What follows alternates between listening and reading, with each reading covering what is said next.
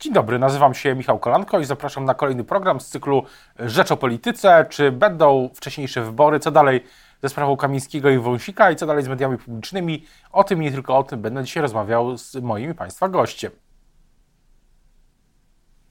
Dzień dobry, a teraz e, Państwa i moim gościem jest dzisiaj Bogdan Zdrojewski, poseł e, na Sejm, szef Sejmowej Komisji e, Kultury. Dzień dobry. Dzień dobry Państwu, dzień dobry Panu. Tak jak e, mówiłem we wstępie, też jest pytanie, czy będą wcześniejsze wybory, Pana zdaniem, w tym roku do Sejmu? E, nie ma podstaw, nie ma podstaw. Wydaje mi się, że te podstawy też się nie pojawią, bo budżet zostanie uchwalony do końca stycznia, a więc prezydent nie będzie miał specjalnych powodów do tego, aby takie wybory ogłaszać.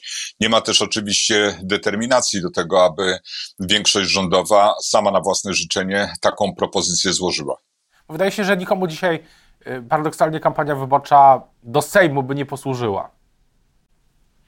Zgadzam się. Wydaje się, że obecne sondaże pokazują, że Konfederacja byłaby poza parlamentem, natomiast wynik Platformy Obywatelskiej, Koalicji Obywatelskiej byłby troszeczkę lepszy od tego poprzedniego. Natomiast nie to jest najważniejsze. Najważniejsze jest mówienie o ewentualnych e, przeterminowych wyborach, bo to generalnie rzecz biorąc służy e, destabilizacji sceny politycznej, buduje pewne napięcie, a to jest, e, to cały czas leży w interesie PiSu i nikogo więcej. To napięcie, napięcie i tak jest. Wydaje się, że za sprawą zatrzymania mm, byłych e, parlamentarzystów e, Mariusza Kamińskiego Michała i Macieja Wąsika, że, że to napięcie dzisiaj jest wyczuwalne na początku roku. Zgodziłby się Pan z taką tezą? Tak, tylko źródła e, są e, przeze mnie inaczej interpretowane. Otóż źródłem napięcia nie jest e, aresztowanie pana Wąsika i pana Kamińskiego, tylko źródłem napięcia są decyzje prezydenta. To prezydent podejmując akt łaski w warunkach, no jak wiemy, nieprawomocnie skazanych, a następnie podtrzymując tą e, decyzję w takiej determinacji, w przekonaniu, że mamy do czynienia z nieskazitelnymi postaciami, zapraszając e, już po prawomocnym wyroku sądu e, do siebie na jakieś gigantycznie długie spotkanie, powoduje, że to napięcie zostało zbudowane. Ale jeszcze raz podkreślę, no, skazani powinni, zgodnie zresztą z ustawą przygotowaną przez PiS, przez Wąsika, przez Kamińskiego, ci, którzy mają prawomocne wyroki, powinni znaleźć się w więzieniu. Więc nie to jest źródłem napięcia. A czy myśli pan, że, że dzisiaj ta kohabitacja między prezydentem a nową większością, koalicją 15 października jest e, trudniejsza? Jest ona z pewnością trudniejsza. E, zauważam przede wszystkim etapy e, do tego utrudniania, do tej ewentualnej postulowanej kohabitacji. Pierwsza decyzja e, pana e, prezydenta Dudy o to, aby oddalić maksymalnie, na maksymalne terminy powołanie nowego rządu przez e, dawniejszą opozycję, dzisiaj większość rządową, budowało gigantyczne, gigantyczne źródła rozmaitych napięć, a przede wszystkim działania rządu, które nie miały charakteru wyłącznie administracyjnego, tylko rząd rządził tak, jakby wygrał wybory. Drugi element to jest powołanie tego dwutygodniowego, marionetkowego, śmiesznego czy tragikomicznego rządu, e, który oczywiście wydłużał ta, cały ten proces. I na koniec oczywiście przekazanie e, rządowi możliwości pracy nad budżetem dopiero w połowie grudnia. No to były sytuacje, które w sposób dramatyczny konstruowały rzeczywistość polityczną niekorzystnie z punktu widzenia prawidłowego wykonywania zadań przez większość rządową. No i na to nałożyła się decyzja pierwsza, bez precedensu kompletnie, e, zawetowanie ustawy okołobudżetowej. Mieliśmy do czynienia z sytuacją, w której panu prezydentowi nie przeszkadzały gigantyczne środki finansowe przekazywane na telewizję, która publiczną nie była, tylko była telewizją partyjną. Telewizją łamiącą wszystkie możliwe zasady, które są związane z prowadzeniem prawidłowej polityki informacyjnej. I wtedy prezydentowi te pieniądze gigantyczne, podkreślam, nie przeszkadzały. W chwili obecnej postawił de facto telewizję w stan likwidacji. Nie tylko telewizję, ale także polskie radio. No właśnie, to do mediów publicznych jeszcze, jeszcze przejdziemy, ale wróćmy do tej sprawy y, Kamińskiego i Wąsika. Czy, czy ona mm, jest sprawą, która ma, będzie miała długoterminowe efekty, Pana zdaniem polityczne, na, na kampanię samorządową, kampanię europejską, kampanię prezydencką, y, na, na w ogóle na politykę w Polsce w tym roku? Ona położy się cieniem e, na naszą politykę na, o, myślę, dekadę. E, dlaczego tak sądzę? Dlatego, że prezydent popełnił wiele błędów, a nie jeden. Po pierwsze, to o czym mówiłem, e, podjął decyzję o łaskawieniu e, przed prawomocnym wyrokiem sądu. To będzie rozpatrywane w kategoriach czysto prawnych przez długie, długie lata. Podjął drugą błędną decyzję. Otóż wyraził akceptację i w pałacu wręczył panu Kamińskiemu nominację na ministra w resorcie, w którym domniemane wcześniej przestępstwo zostało dokonane. Tego nie wolno robić, tego nie wolno czynić. A następnie myli, kompletnie myli e, akt łaski z uniewinnieniem, co prezydentowi, strażnikowi konstytucji nie przystoi. I na to jeszcze wszystko, jak pojawia się prawomocne orzeczenie, wyrok Sądu Najwyższego, e, opinie prawników najwybitniejszych, że mamy do czynienia ewidentnie z przestępcami, e, to prezydent nie tylko się z nimi fotografuje, zaprasza, ale posyła swój samochód kancelarii prezydenta po pana Kamińskiego, aby go ściągnąć do Pałacu Prezydenckiego. Wydaje mi się, że ten ciąg rozmaitych zdarzeń pokazuje, z jak niefrasobliwością, z jaką niefrasobliwością mamy do czynienia w osobie pana prezydenta. A co do e, tej przyszłości, to pytanie też o tą polaryzację, tak? E, e, czy dzisiaj można powiedzieć, że ta polaryzacja się, odbudowała, że dzisiaj nie ma czy dzisiaj nie ma, jest tylko PiS i Platforma? Tak by pan też to widział? Po części tylko, dlatego że bardzo ważną postacią w tych wszystkich konfliktach jest oczywiście marszałek Hołownia, który reprezentuje Polska 2050. Polskie Stronnictwo Ludowe zachowuje się w tej materii nieco powściągliwej, bo y, nieco bardziej powściągliwie, bo nie ma w tej y, sytuacji tych konfliktów swojej wyodrębnionej y, konstytucyjnej roli. Ale opozycja trzyma się, opozycja poprzednia, obecna większość rządowa trzyma się e, bez wątpienia razem. To znaczy wszystkie głosy, bez względu na to, czy to jest Kosiniak-Kamysz, Hołownia, czy e, pan Czarzasty, wszyscy mówią jednym głosem, wszyscy interpretują tą sytuację, z którą mamy do czynienia w identyczny sposób, jak krótko mówiąc, eksperci, e, więc tu nie ma, nie, nie ma problemu. Co do e, mediów publicznych, to jaka dzisiaj jest sytuacja mediów publicznych? Wczoraj szerokim echem odbił się ten, odbyła się decyzja o niewpisaniu do KRS zapisów dotyczących władz mediów publicznych. Pan, pan był tą decyzją rozczarowany? E, nie. E, ja uważam, że ta decyzja nie ma specjalnego znaczenia.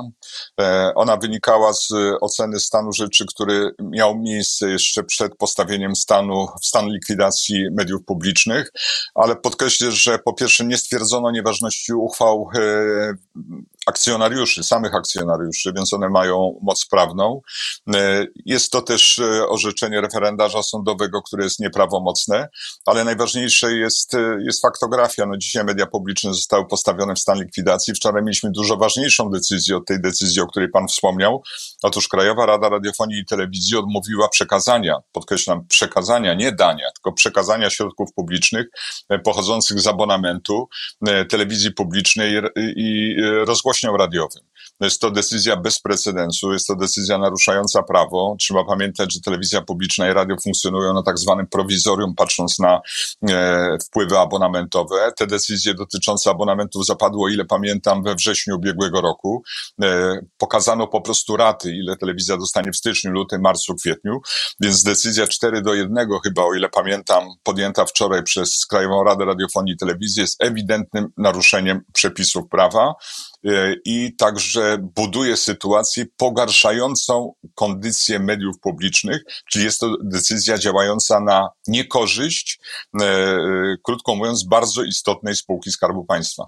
Co do e, przyszłości mediów publicznych, to skoro mówimy o budżecie, to jest od razu pytanie, tak się ja się dzisiaj zastanawiam, to skoro, skoro mówi Pan o tej decyzji KRIT-u, no to co, co, co, będzie, co będzie z finansowaniem mediów publicznych e, e, w, w, tym roku? W ustawie około budżetowej tego, e, tego nie ma. E, w, wpływa abonamentu pod znakiem zapyta, z abonamentu pod znakiem zapytania, więc E, co będzie dalej z, z telewizją, z radiem, ze spółkami regionalnymi, też spółek, spółkami regionalnymi Polskiego Radia?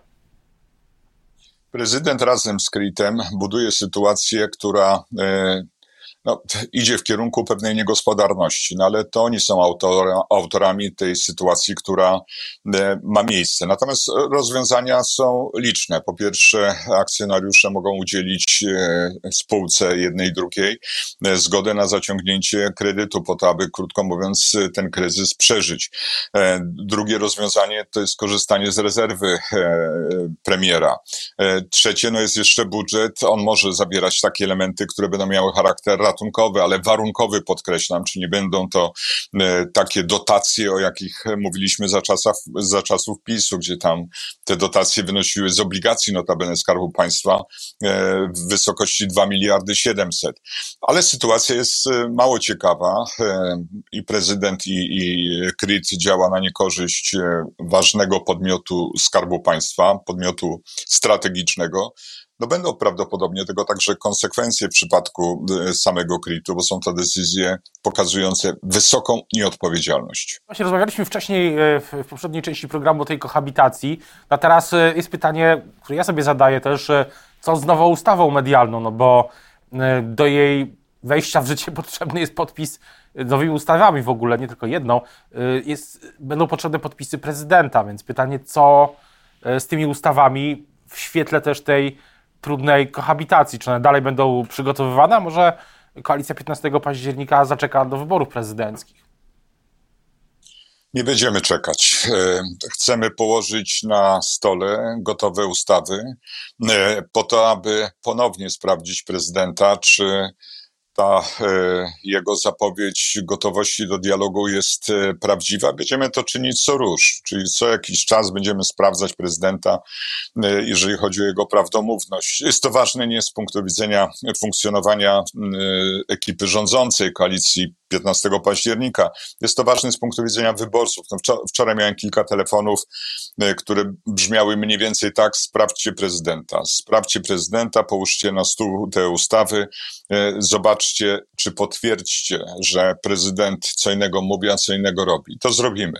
Jeżeli chodzi o ustawy, przypomnę, że mamy e, de facto dwie, bo z jednej strony jest to ustawa, która likwiduje Radę Mediów Narodowych, ta, która jest gotowa, ona wylądowała w zamrażarce. Prezydent nie upominał się tą ustawę e, przez cały okres ubiegłego roku, pomimo tego, że wyraźnie ona poprawia praworządność w Polsce, jeżeli chodzi o ład y, korporacyjny w tej materii, ale będzie przygotowana y, ustawa także ta duża, która przystosuje warunki prawne mediów do funkcjonowania w XXI wieku. Założenia są gotowe, one liczą 51 stron. Przygotowane zostały przez bardzo zróżnicowany zespół, w którym są i eksperci, prawnicy, i producenci.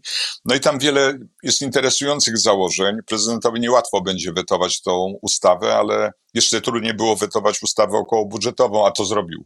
Jakie są terminy, jeśli chodzi o te obydwie, e, obydwie ustawy? Kiedy one mogą e, być procedowane w parlamencie też przez Pana e, komisję?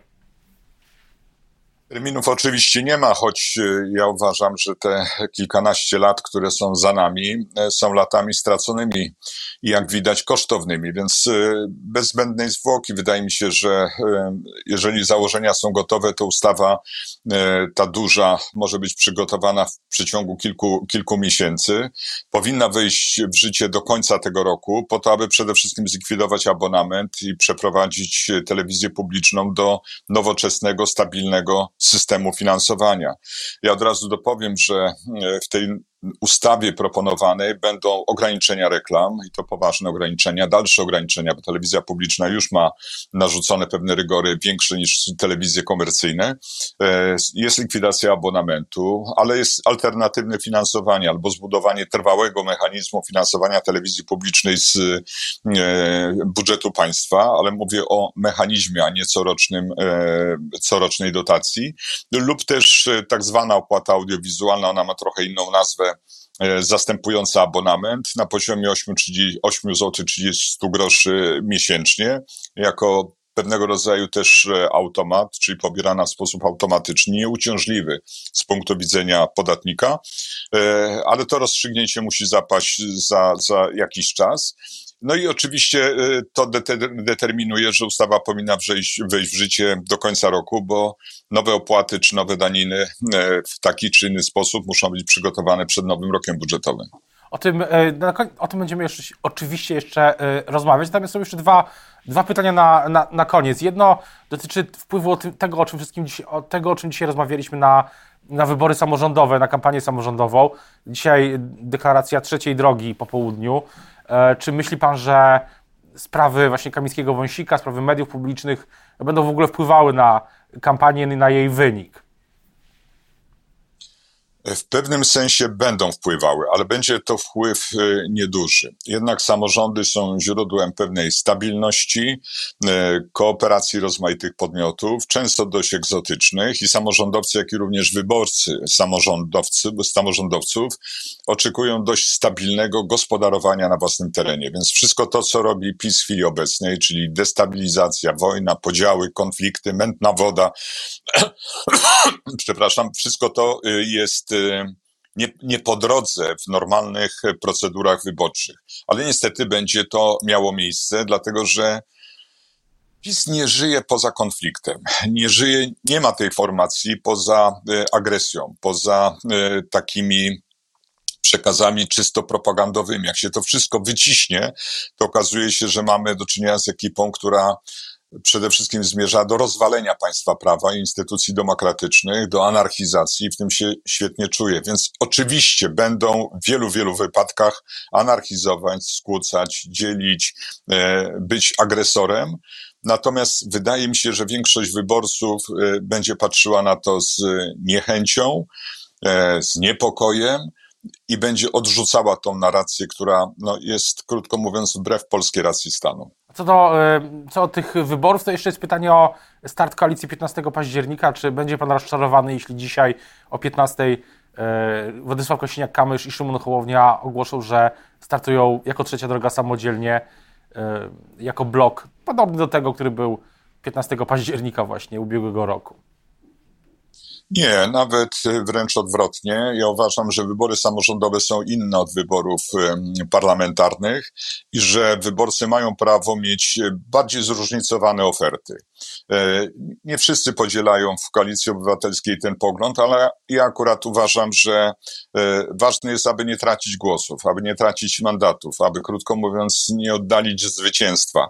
Ale myślę, że w koalicji rządzącej jest na tyle mądrości, na tyle odpowiedzialności, że tam, gdzie będzie szansa na koalicję tą dużą, ona powstanie. Czy to będzie dotyczyło prezydenta miasta, czy sejmiku wojewódzkiego, e, nie jestem w stanie przesądzić, ale nie tylko nie wykluczam, ale jestem przekonany, że takie duże koalicje, duże porozumienia także będą miały miejsce, choć nie będą miały tego charakteru głównego nurtu, tylko e, pewnego marginesu, ale wydaje mi się, dość szerokiego. Wyobraża pan sobie współpracę czy koalicję do sejmików, E, Platformy Obywatelskiej, Koalicji Obywatelskiej z, z Lewicą w tej nowej sytuacji po tym dzisiejszym spodziewanym ogłoszeniu, że będzie blok trzeciej drogi, blok Platforma Lewica. To wchodzi w grę? E, nie można tego wykluczyć w 100%, natomiast to akurat może być rzadkość. No są takie regiony, w których lewica uzyskała bardzo e, złe wyniki. E, generalnie lewica jest bardzo poszkodowana w tych wyborach, bo straciła prawie 50% mandatów w Sejmie. I widać na mapie Polski, gdzie są te białe plamy. W związku z tym tam jest możliwość, że lewica nie będzie budowała własnej oferty, tylko będzie starała się przyłączyć do tych, które będą budowane, będą miały charakter nie wyłącznie partyjny, tylko taki obywatelski. Dlatego też nie wykluczam, że takie przypadki mogą mieć miejsce, ale w przeciwieństwie do poprzedniej e, koalicji, o której rozmawialiśmy, tu będzie absolutny margines. O tym, jak będą, wyglądały wybory samorządowe, oczywiście o tym też E, jak będzie, wyglądał dzisiejsza, będzie wyglądała dzisiejsza demonstracja, którą PiS zapowiada na 16. Będziemy relacjonować na RPPL i w Rzeczpospolitej. Teraz bardzo już e, dziękuję za rozmowę Państwa i moim gościem na łączach zdalnych był dzisiaj Bogdan Zdrojewski, poseł na Sejm, szef Sejmowej Komisji e, Kultury. Kultury. Dziękuję bardzo. Dziękuję Państwu, dziękuję Panu.